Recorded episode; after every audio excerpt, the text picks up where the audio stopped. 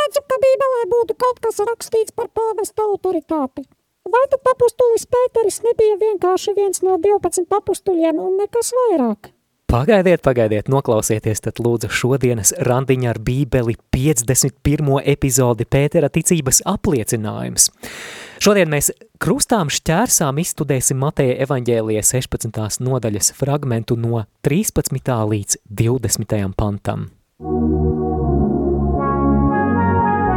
Randiņš ar bībeli Studijā Māris Veliks.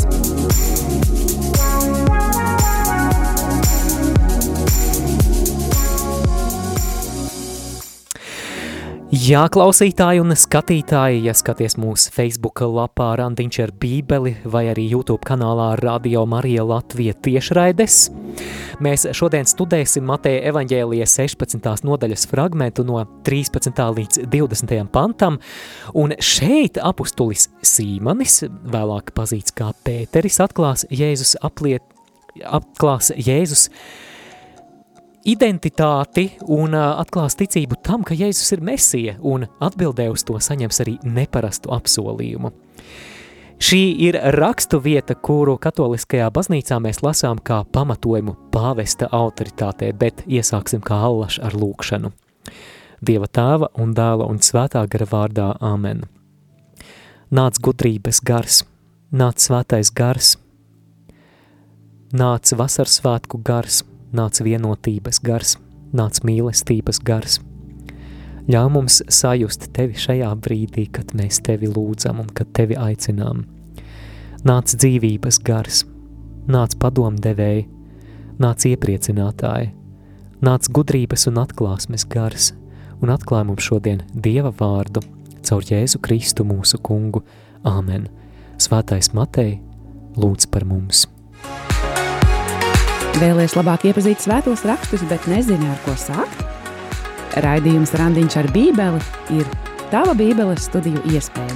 Dinamiska, mūsdienīga un baznīcai uzticīga. Studē Bībeles grāmatas kopā ar savedēju Māri Vēliku.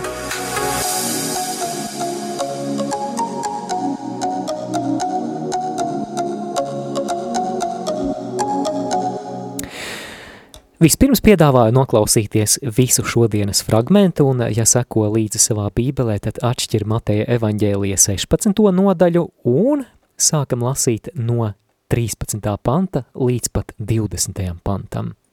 Bet Jēzus nonāca Filipa Cezarejas novadā, jautāja saviem mācekļiem sacīdams, ko tad saka ļaudis esam cilvēka dēlu? Un viņi atbildēja, vieni saka Jānis Kristītājs, citi Elija, vēl citi Jeremija, vai kāds no praviešiem. Viņš uz tiem sacīja, bet ko tad jūs par mani sakat, kas es esmu?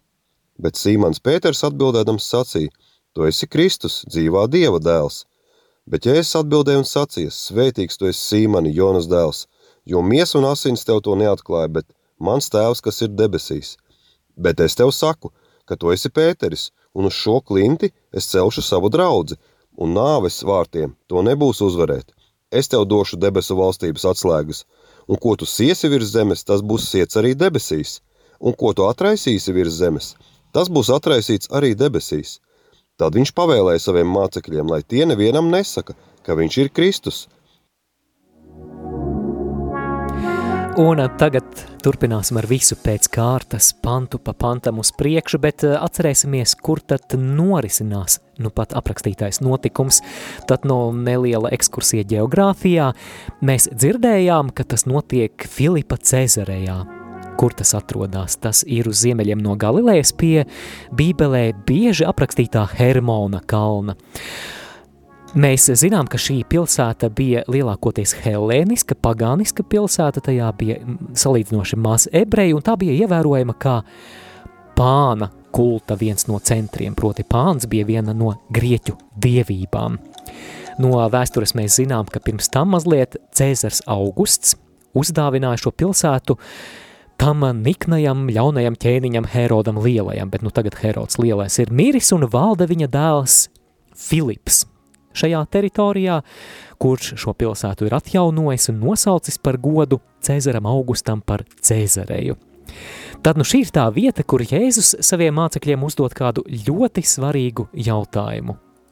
Bet Jēzus nonācis Filipa Cezarejas novadā, jautāja saviem mācekļiem sacīdams, ko tad saka ļaudis esam cilvēka dēlu? Mācekļu atbildē mēs redzam, ka, ja tajā laikā veiktu tādu socioloģisku aptauju un uzdotu jautājumu, kas jūsuprāt ir Jēzus, tad domas dalījās. Cilvēku viedokļi bija dalīti, lasām 14. pantu. Un viņi atbildēja, vieni saka Jānis Kristītājs, citi Elija, vēl citi Jeremija vai kāds no praviešiem. Dargo klausītāji, vai tu ievēroji, kas vieno visas minētās personas, kas ir nosauktas, mēs dzirdējām Jāni Kristītāju, Eliju, Jeremiju vai kāds cits no praviešiem? Tā, kādi ir tavi varianti? Pateikšu priekšā, vienojošais motīvs šeit ir pravietis. Gan Jānis Kristītājs, Elijas, Jeremijs bija pravieši, tātad tas, ko mēs redzam, ka tauta lielākoties bija vienprātīga tajā, ka Jēzus ir pravietis, un tas nav pretrunā Jēzus identitātei. Mēs 5. mūzes grāmatā, jeb atkārtotā likuma grāmatā, 18. nodaļā, 18. pantā lasām, es viņiem celšu pravieti, kāds tu esi, proti kāds ir mūzus no brāļu vidus, un es likšu savus vārdus viņa mutē, un viņš runās uz tiem visu, ko es tam pavēlēšu. Mēs kā kristieši ticam, ka, ka šis vārds, šis apsolījums, šis pravietojums ir piepildījies Jēzu Kristu, kurš ir pravietis kā mūzus. Bet tagad šo pašu jautājumu, kas tad īsti ir Jēzus, kungs uzdot arī pašiem mācekļiem, tagad arī viņu kārta atbildēt, lasām 15. pantu. Viņš uz tiem sacīja, bet ko tad jūs par mani sakat, kas es esmu? Jau iepriekš lasot Mateja evaņģēliju, mēs saskārāmies ar situācijām, kad Jēzus mācekļi ir spiesti domāt un pat apliecināt savu ticību tam, ka Jēzus ir kas vairāk par vienkāršu cilvēku. Atcerēsimies, piemēram, brīžus, kad Jēzus apliecina savu autoritāti pār dabas parādībām, kad viņš liek vētrai norimt vai pavisam nesen mēs lasījām Mateja evaņģēlija 5, 14. nodaļu, kurā bija aprakstīts notikums, kurā Jēzus staigā pa ūdens virsmu.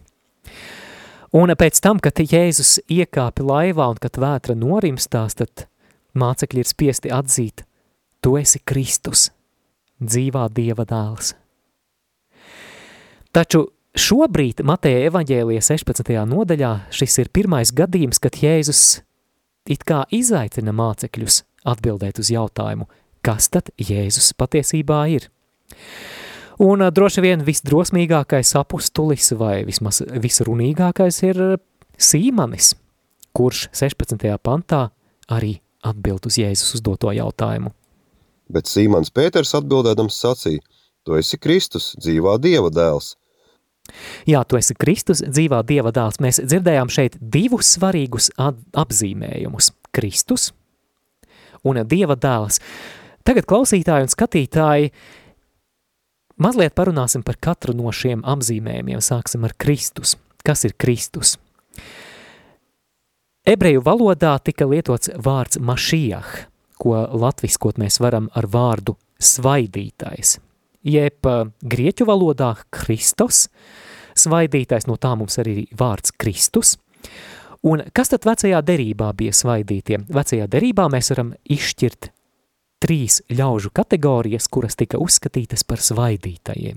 Pirmkārt, tie bija karaļi, otrkārt tie bija priesteri, un treškārt tie bija Atsevišķos gadījumos pravieši, kas viņus visus vieno, ir tas, ka šie cilvēki savā kalpojumā, savā amatā tiek iesvētīti ar īpašu svaidīšanas ar eļļu rituālu. Tas attiecas uz karaļiem, priesteriem un, kā jau minēju, atsevišķos gadījumos arī uz praviešiem.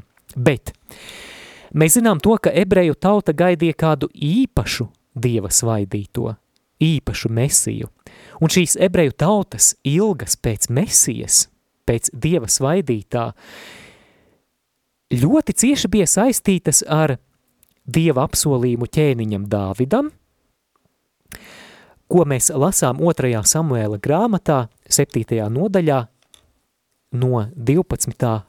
panta, un jā, varbūt es tagad tikai šī fragmenta atsevišķus izvilkumus izlasīšu, bet ko mēs tur uzzinām, tāda situācija ir tāda, ka pravietis Nātans nāk pie ķēniņa Dāvida un Dieva vārdā dot viņam kādu īpašu apsolījumu. Šī apsolījuma, jeb šī pravietojuma saturs ir šāds – ka tad, kad tavas mūža dienas beigsies, es pēc tevis iecelšu tavu pēcnācēju. Un tas, es citēju, uzcels namu manam vārdam. Ko mēs te dzirdējām? Te ir apsolījums, ka pēc Dāvida būs kāds viņa pēcnācējs, kurš uzcels namu dieva godam, jeb templi dieva godam. Tālāk mēs lasām, un es nostiprināšu viņa ķēniņa valstības troni uz mūžīgiem laikiem. Kas šeit ir apsolīts? Te ir apsolīts, ka Dāvida dinastija pastāvēs mūžīgi. Tālāk mēs lasām, es viņam būšu par tēvu, un viņš man būs par dēlu. Tātad šeit tiek apsolīts, ka šis Dāvida dēls tiks saukts arī par Dieva dēlu. Jā, apbrīnojami apsolījumi ķēniņam Dāvidam 2. Samuēla grāmatā 7. nodaļā, kas bija apsolījums, kas uzturēja, kas baroja, kas iededza uguni šajā Izrēļa tautas mesijas gaidīšanā. Viņi gaida šo jauno svaidīto, šo jauno Dāvida dēlu, bet ieliksim šo pravietojumu mazliet vēsturiskā kontekstā tagad. Ķēniņš Dāvids nomirst, un ķēniņa Dāvida dinastija, proti, kad Jeruzalemes tronī valdīja kāds no viņa pēcnācējiem, turpinājās aptuveni četrus gadsimtus. Jā, tātad Dāvida pēcnācēja tronī četrus gadsimtus valda Jeruzalemē un Jūdejā, bet pienāk 587. gads pirms Kristus un notiek ļoti traģiska katastrofa. Babilonieši iekaro un izposta Jeruzalemi, noposta Jeruzalemes templi un tautu izved Babilonas trimdā. Pēc tam Dāvida dzimtas pārstāvji nekad vairs neatgriežas ķēniņa tronī. Kas notiek? Paliek taču šis Dieva dotais apsolījums ķēniņa Dāvidam, ķēniņam Dāvidam, ka tavai valstībai nebūs gala, ka tavs pēcnācējs uz mūžiem sēdēs uz troņa. Bet nav, nav vairs ķēniņa. Izrēļa tautu posta un uh, rausta uz visām pusēm dažādas tautas, babilonieši, vēlāk persieši, vēlāk Romas impērija. Tomēr paliek Dāvidam dotais apsolījums, ko arī apstiprina pravieši vecajā derībā, solot, ka nāks kāds jauns Dāvids, kāds jaunais Dāvids, un ar to tika saistītas šīs mesijāniskās cerības – Un šīs mesijāniskās gaidas, šis noskaņojums bija kā tāds rauks, uzraudzējis mīklu, pamatīgi, pamatīgi uzrūdzis Jēzus laikā, proti pirmajā gadsimtā. Un tad nu šeit, Filipa Cēzarejā, apustulis Pēteris atpazīst, ka Jēzus Kristus, šis mācītājs, ar kuru apustuļiem jau bija ārkārtējas pieredzes piedzīvotas, viņi redzēja slimos dziedinātus, viņi redzēja dabas parādības, kuras pakļāvās Jēzus Kristus komandai un autoritātei, ka šis Jēzus ir tas apsolītais un ilgi gaidītais Kristus, jeb Mesija. Jā, tātad Pētera ticības apliecinājumā mēs dzirdējām šo vārdu, ka tu esi Kristus, tātad tu esi Mesija.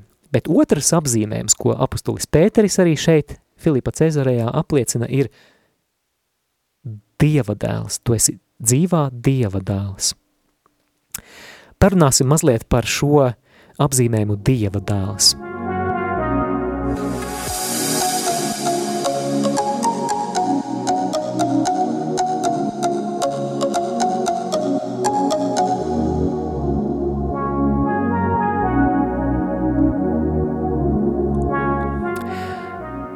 Apzīmējums Dieva dēls vecajā derībā ik pa brīdim tika attiecināts uz ķēniņu dēliem. Mēs jau lasījām šo otrā Samuela grāmatu, 7. nodaļu 14. pantu, es viņam būšu par tēvu un viņš man būs par dēlu. Tādā tiešā nozīmē tas ir par Dāvida dēlu ķēniņu Salomonu. Un tomēr Mateja evaņģēlijā jau iepriekš mēs redzējām, ka Jēzus ir Dieva dēls daudz, daudz, daudz pārākā, daudz, daudz, daudz unikālākā nozīmē nekā ķēniņa dēli. Tik interesanti ir mazliet atskatīties atpakaļ, ko mēs jau esam izskatījuši Mateja evaņģēlijā, un kā saka, atkārtošana ir zināšanu māte, un, ja sekojam līdzi savās bībelēs, mūsu Mateja evaņģēlijas studijām, tad aicinu atšķirt Mateja evaņģēlija 11. nodaļu, un 11. nodaļā mēs atklājām kaut ko ļoti būtisku par to, cik unikālas ir dēva un tēva attiecības. No 25. panta mēs lasām tajā pašā laikā Jēzus sacīja, es slavēju tevi tēvs, debes un zemes kungs, ka tu šīs lietas esi apslēpis gudrajiem un saprātīgajiem un tās atklājis bērniņiem. Jā, tēvs, šādi ir izpaudusies tava labvēlība. Mans tēvs man ir devis visu, un neviens nepazīst dēlu, kā vien tēvs, nec tēvu, kā vien dēls, un kam dēls vēlas to atklāt.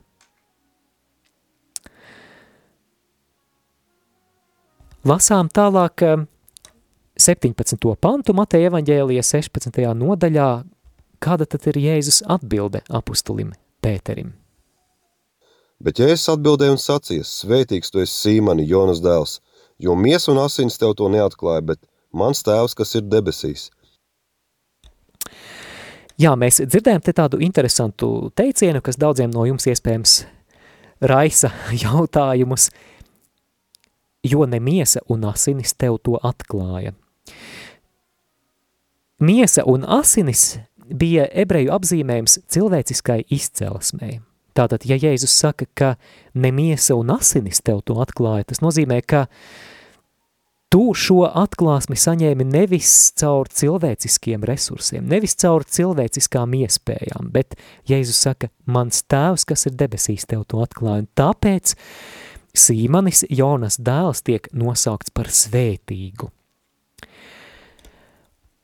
Tālāk no 18. panta seko īpaši apsolījumi Sīmanim, bet es domāju, ka jau bijis ir tik daudz vērtīgas informācijas, ka mazliet, mazliet tas ir jāsagremo, vai ne? Tāpēc laiks mūzikas pauzē, un tad atgriezīsimies un parunāsim par īpašajiem Jēzus apsolījumiem apustulim Sīmanim, jeb kā mēs tālāk redzēsim, viņam tiek dots jauns vārds Pēteris.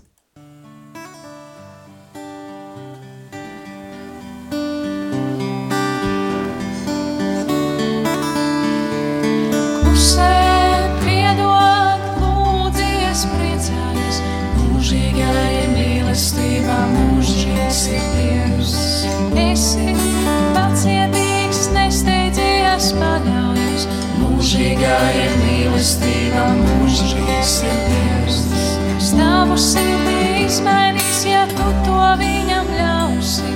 Mūžīgā ir mīlestība, mūžīgs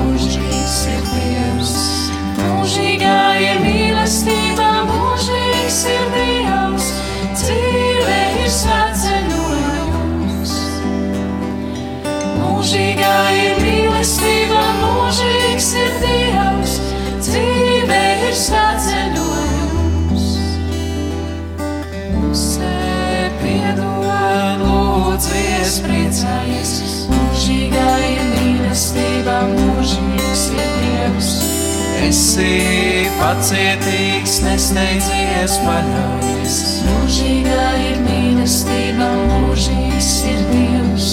Dievs tavu sirdī izmainīs, ja tu to viņam ļausi. Mūžīgā ir mīlestība, mūžīgs ir Dievs. Mūžīgā ir mīlestība, mūžīgs ir Dievs.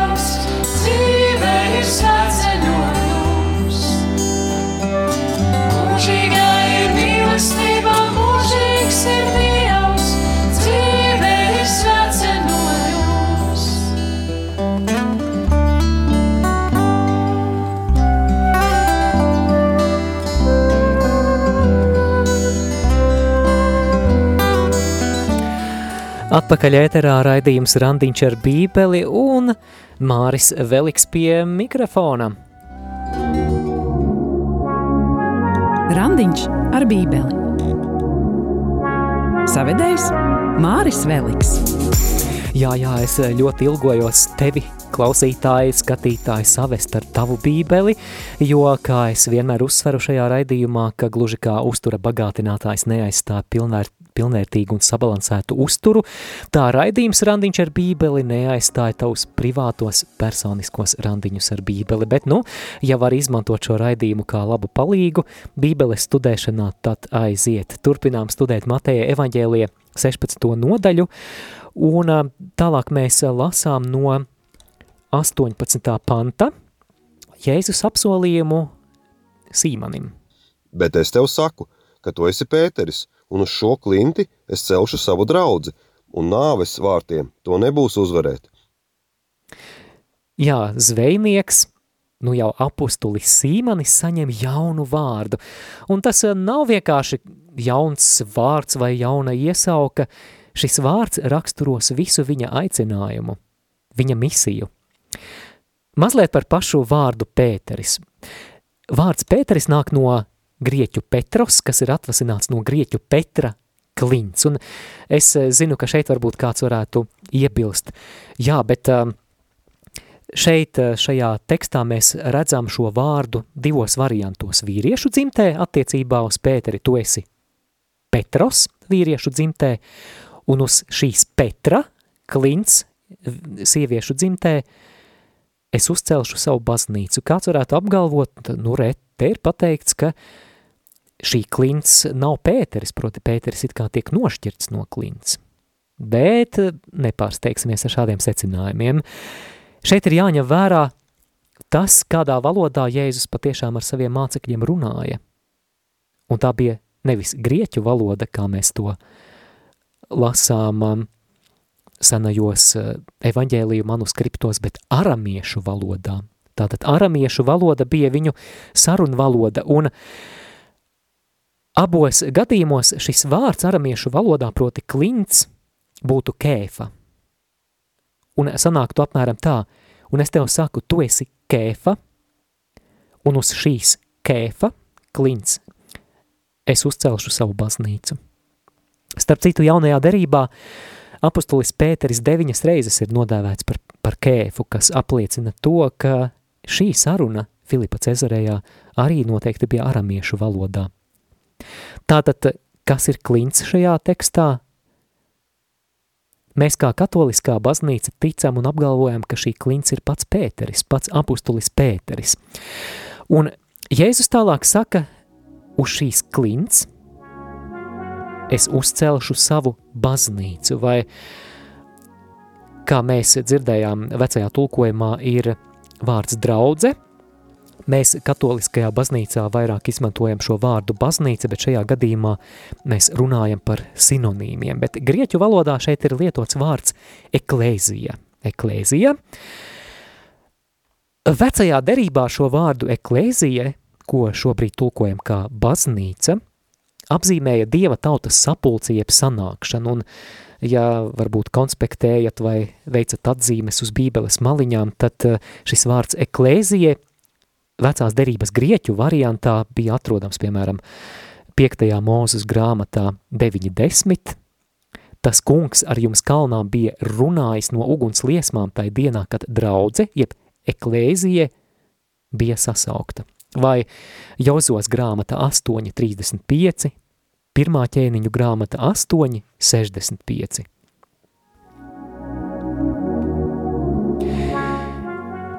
Kā dzirdēja, Jēzus šajā apsolījumā Pēterim lieto būvēšanas metaforu. Es uzcelšu baznīcu, uz šīs klinces uzcelšu savu baznīcu. Tātad Jēzus paredz baznīcu kā ticīgo templi, respektīvi kā dieva templi, kas sastāv no ticīgajiem. Un te ir vērts atzīmēt, ka jaunajā derībā ir vairākas rakstu vietas, kur baznīca jeb ticīgo kopiena ir salīdzināta ar templi. Pirmais teksts, kas man nāk prātā un par ko, starp citu, es arī Rarzī aizstāvēju bakalaura darbu, ir pirmā vēstule korintiešiem trešā nodaļa no 16. līdz 17. pantam. Vēl varam lasīt par to arī efeziešiem otrajā nodaļā no 19. līdz 22. pantam vai 1. pētera vēstule otrā nodaļa no 4. līdz 6. pantam. Šodien mēs jau mazliet pieminējām šo pravieša Nātana apsolījumu ķēniņam Dāvidam, 2. Samuēla grāmatā 7. nodaļā, un 13. pantā mēs lasījām, un tas, tātad Dāvida pēcnācējs, uzcels namu manam vārdam. Pirmajā un tiešajā nozīmē šis teksts, protams, runā par Dāvida dēlu Salomonu, kurš 1000 ne, kurš, piedodiet, 957. gadā pirms Kristus patiešām pabeidza celt Jeruzalemes templi, šo vissvarīgāko jūdu tautas svētnīcu. Un tomēr svētajiem rakstiem ir dažādi līmeņi.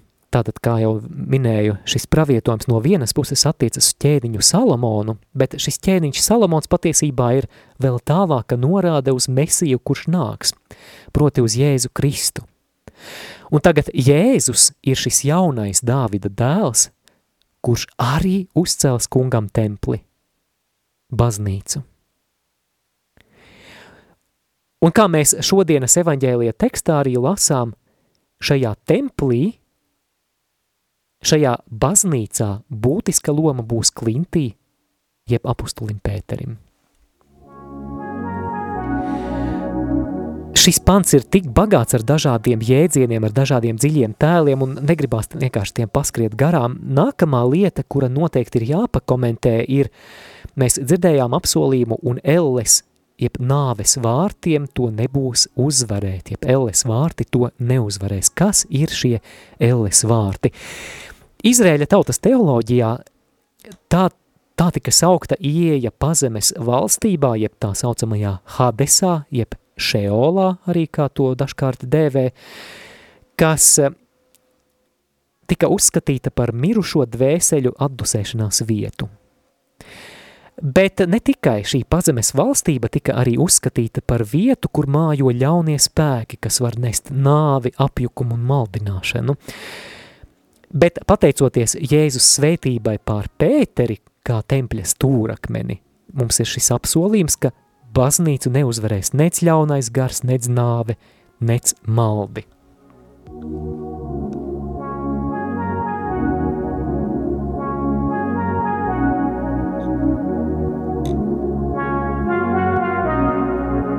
Uzmanību!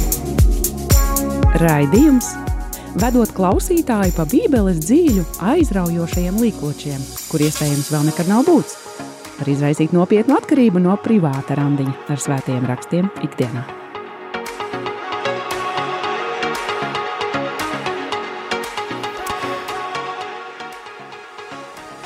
Ja skaties vai klausies šo raidījumu caur sociālajiem tīkliem, tad droši ieliec īkšķīti, nošēro, padot tālāk, tas palīdzēs radio Marija misijai izplatīties un aizsniegt iespējami vairāk cilvēku, bet turpinām studēt Mateja evaņģēlija 16. nodaļu, Un um, Jēzus apsolījums Sīmanim, jeb nu jau apustulim Pēterim, turpinās 19. pantā.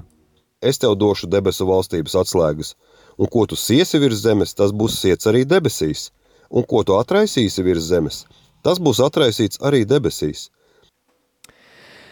Jā, šeit bija runa par valstības atslēgām, kas tiks dotas Pēterim.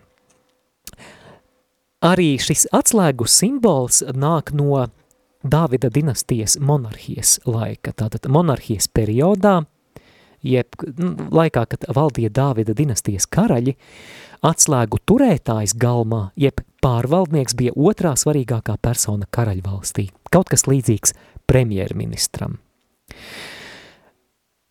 Jēzus nepārprotami šeit, uzrunājot apustuli Pēteri, izmanto atsauci uz pravieša Jesajas grāmatu 22. nodaļu, 22. pantu arī, ja sekojat savās bībelēs, varbūt arī vēl paspēsiet uzšķirt, tātad ļoti viegli iegaumēt, pravieša Jesaja grāmata, 22. nodaļa, 22. pants, mēs tulīt lasīsim šo rakstu vietu un mēģiniet arī saklausīt tajā līdzību ar nu pat teiktajiem Jēzus vārdiem.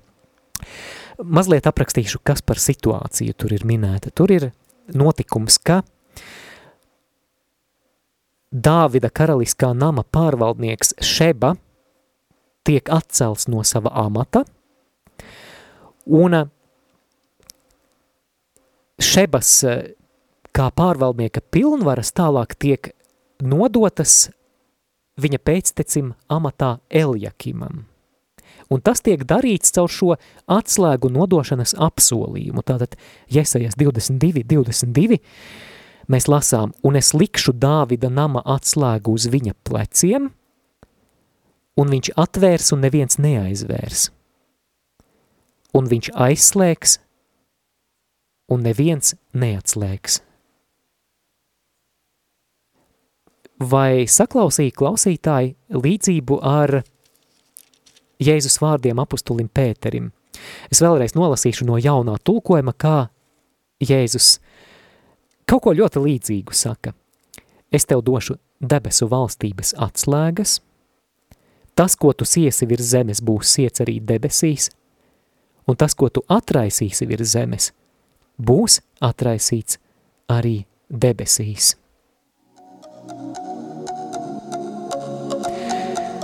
Tātad Pēteris šeit tiek iecelts kā galvenais debesu valstības pārvaldnieks, jeb kā premjerministrs baznīcā, jeb šajā Dāvida dinastijas mesijas vadībā esošs premjerministrs. Mēs zinām, ka pārvaldnieka amats monarhijā tika nodots tālāk. Arī jau minētais pravieša Jesaja fragments runā par atslēgu, uh, kā varas simbola nodošanu tālāk pēctecim, un tad nu, līdz ar to ir loģiski pieņemt, kā arī apustulim Pēterim uzticētā vara vēlāk tika nodota tālāk. Tātad ar apustuļa Pētera nāvi Jēzus uztica, uzticētā autoritāte neizbeidzās, bet tā tiek nodota tālāk, gluži arī kā Dāvida dinastijas laikā, ar šīm atslēgām tika nodota vara tālāk arī nākamajiem pārvaldniekiem.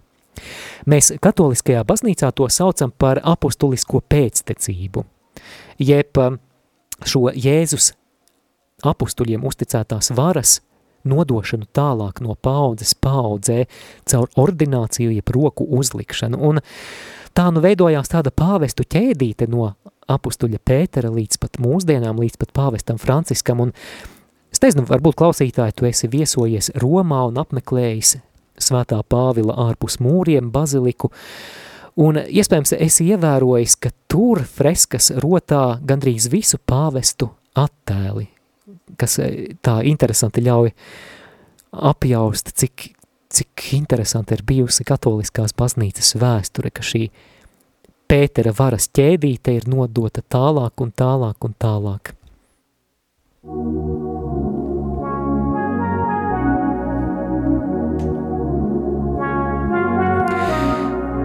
Vēl svarīgs jēdziens, kas ir jāizskaidro, ir, ko nozīmē vara sasiet un atraisīt. Un senos avotos šim izteikumam sasiet un atraisīt ebreju kultūrā bija trīs nozīmes.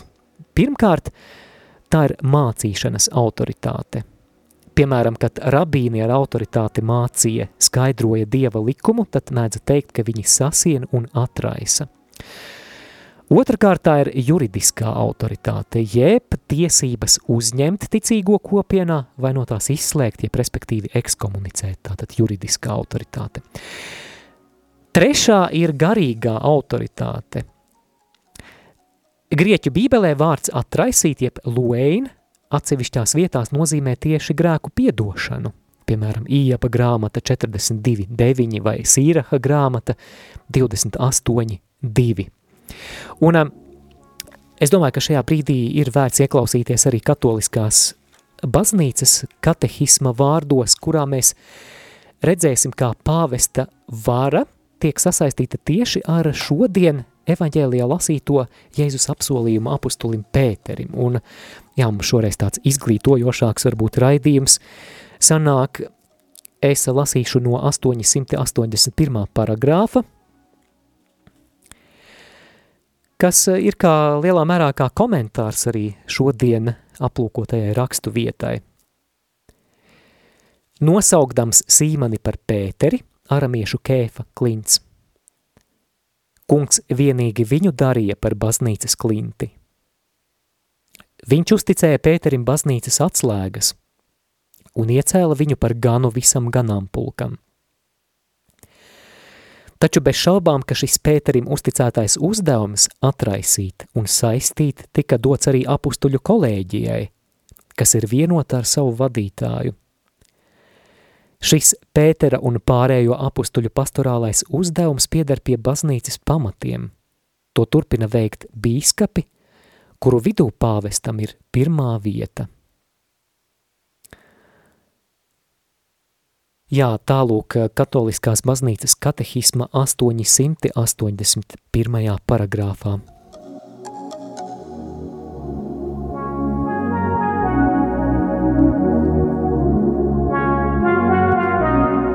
Un vispēcot pēdējais pants šodienas raidījumā ir Mateja 16.20. Lasām. Tad viņš pavēlēja saviem mācekļiem, lai tie nevienam nesaka, ka viņš ir Kristus. Es zinu tavu jautājumu, klausītāji. Kāpēc Jēzus aicina neteikt tālāk, ka viņš ir Kristus? Nu pat viņš apliecināja piekrītoši, ka viņš ir Kristus. Kāpēc tad viņš aicina neteikt tālāk nevienam? Iespējams tādēļ, ka apgalvojumu, ka Jēzus ir Mesija, jeb Jēzus ir Kristus, varēja tajā laikā viegli pārprast. Un ar ko tas bija saistīts? Ar tajā brīdī valdošo priekšstatu par Mesiju, par to, kādam tad ir jābūt šim Dieva svaidītajam. Un lielākā sabiedrības daļa Mesiju, jeb Dieva svaidīto, iztēlojās kā tādu militāru figūru, kas atbrīvos ebrejus no romiešu okupācijas un atjaunos ebreju politisko varenību. Taču mēs redzam, ka Jēzus sevi pozicionē pavisam kā citāda veida mesiju, kā cita veida autoritāti. Jēzus sludināšanas pamatā ir šī doma, ka reālais ienaidnieks ir nevis Romas impērija, bet reālais ienaidnieks ir grēks, kas visu cilvēci nošķir no debesu tēva ģimenes. Tad nu uzvara pār šo ienaidnieku, kas ir grēks, kas ir nāve, kas ir šīs grēka važas, būs Jēzus kā Kristus, Jēzus kā Mesijas fokus. Un kā mēs zinām, tas maksās viņam viņa dzīvību.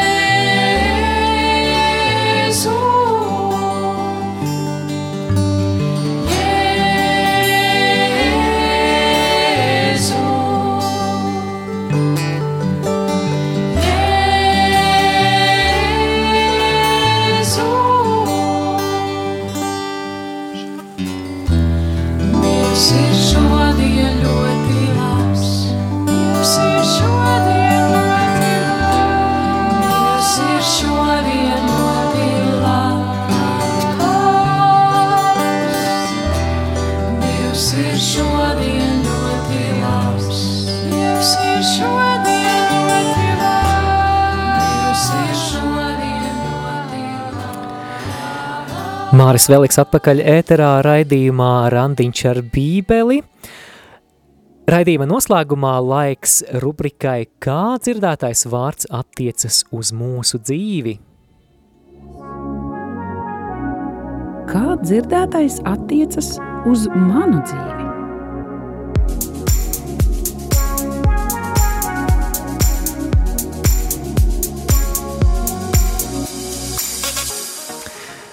Šoreiz divas lietas.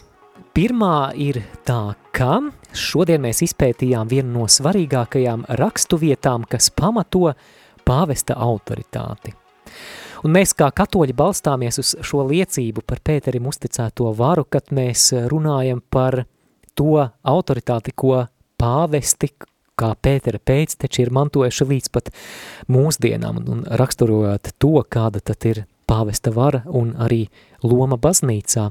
Un tad eh, pirmais praktiskais moments, uz ko es vēlētos rosināt, ir atsaucoties uz šodienas vārdu, ir lūdzies par pāvestu ikdienā. Ja? Lūdzies par pāvestu ikdienā. Iekļauj viņu savās lūkšanās. Pāvestam ir ļoti, ļoti vajadzīgs mūsu lūkšanu atbalsts. Otrais moments. Es nesen dzirdēju arī kādu domu, kurā vēlos padalīties tieši saistībā ar šo rakstu vietu. Vairāk iepazīstot, kas ir Jēzus, ja vairāk iepazīstot, kas ir Dievs, tu vairāk atklāsi arī savu identitāti. Vēlreiz, vairāk iepazīstot, kas ir Dievs, tu vairāk atklāsi arī savu identitāti. Skaties, kas notika šodienas lasījumā. Pētera atklāsme par Jēzu kā mesiju, jeb kā Kristu, izraisa to, ka arī viņš pats atklāja savu aicinājumu – Jēzus viņam caur šo ticības pasludinājumu atklāja kaut ko svarīgu par viņa paša identitāti, ka viņa aicinājums būt par šo baznīcas klinti, par šo pamatu, uz kura celta visa baznīca, un Sīmanis saņem jaunu vārdu Pēteris, un viss tas sākās ar šo Pētera atklāsmi par to, kas patiesībā ir Jēzus. Tātad vairāk iepazīstot Dievu, tu vairāk atklāsi arī savu identitāti, tāpēc meklē Dievu savā lūkšanā, sauc uz Dievu, ka es gribu tevi vairāk iepazīt, jo, redzi, ja tu iepazīsti Dievu kā mīlošu tēvu, ja tu, tāda, ja tu neiepazīsti Dievu kā mīlošu tēvu, tu nevari atklāt, ka esi mīlēts Dieva bērns. Ja tu neiepazīsti Jēzu kā glābēju, tu nevari atklāt to, ko Jēzus tavā labā ir izdarījis, lai tevi atpirktu no grēka, no nāves un mūžīgās pazušanas varas. Ja tu neiepazīsti Jēzu kā draugu, tu nevari saņemt atklāsmi, ka tu pats esi Dieva draugs. Tātad, jo vairāk tu iepazīsti Dievu, jo vairāk atklāja arī savu identitāti. Un raidījuma noslēgumā Jēzus saviem mācekļiem Šodienas tekstā jautāja, bet ko jūs uzskatāt mani esam? Klausītājs jautāšu tev, skatītājs jautāšu tev, kas tev ir Jēzus?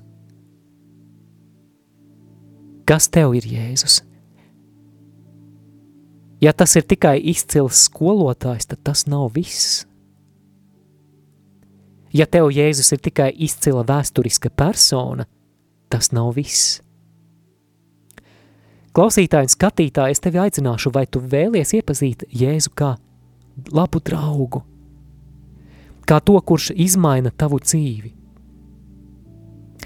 kā to, uz kuru tu vari paļauties, ka pateicoties tam, ko viņš ir izdarījis, Golgātā pie krusta nomirstot par tevi, ka pateicoties viņam, tev ir paredzēta mūžīgā dzīvība svētlaimē, vienotībā ar debesu tēvu ka jau šeit virs zemes tu vari būt debesu valstības pilsonis, ka šeit virs zemes tu vari staigāt ar paceltu galvu kā dieva bērns, kā dieva princese un dieva princis.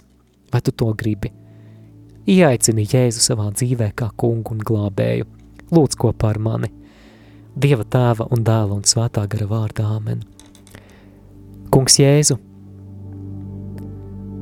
man grēciniekam ir ļoti, ļoti, ļoti vajadzīga tava žēlastība. Kungs piedod man manus pārkāpumus, un Jēzu ienāc manā dzīvē kā vienīgais kungs un glābējs. Es paļaujos uz to, ko tu esi izdarījis manis labā, nomirstot pie krusta Golgātā un trešajā dienā augšām ceļoties. Jēzu, paņem mani visu, izmaini manu dzīvi, izved mani ārā no grēka varas, no tukšuma un no bezcerības.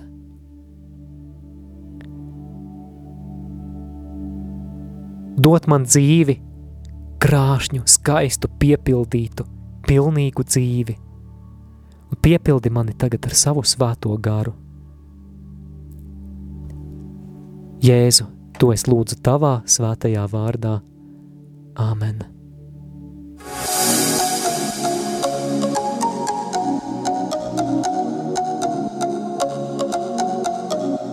Jūs klausījāties raidījumu Randiņš ar Bībeli. Savas atsauksmes, ieteikumus un jautājumus sūtiet uz e-pastu randiņš ar bībeli at gmail.com. Iepriekšējās raidījuma epizodes aicinām meklēt arhīvā.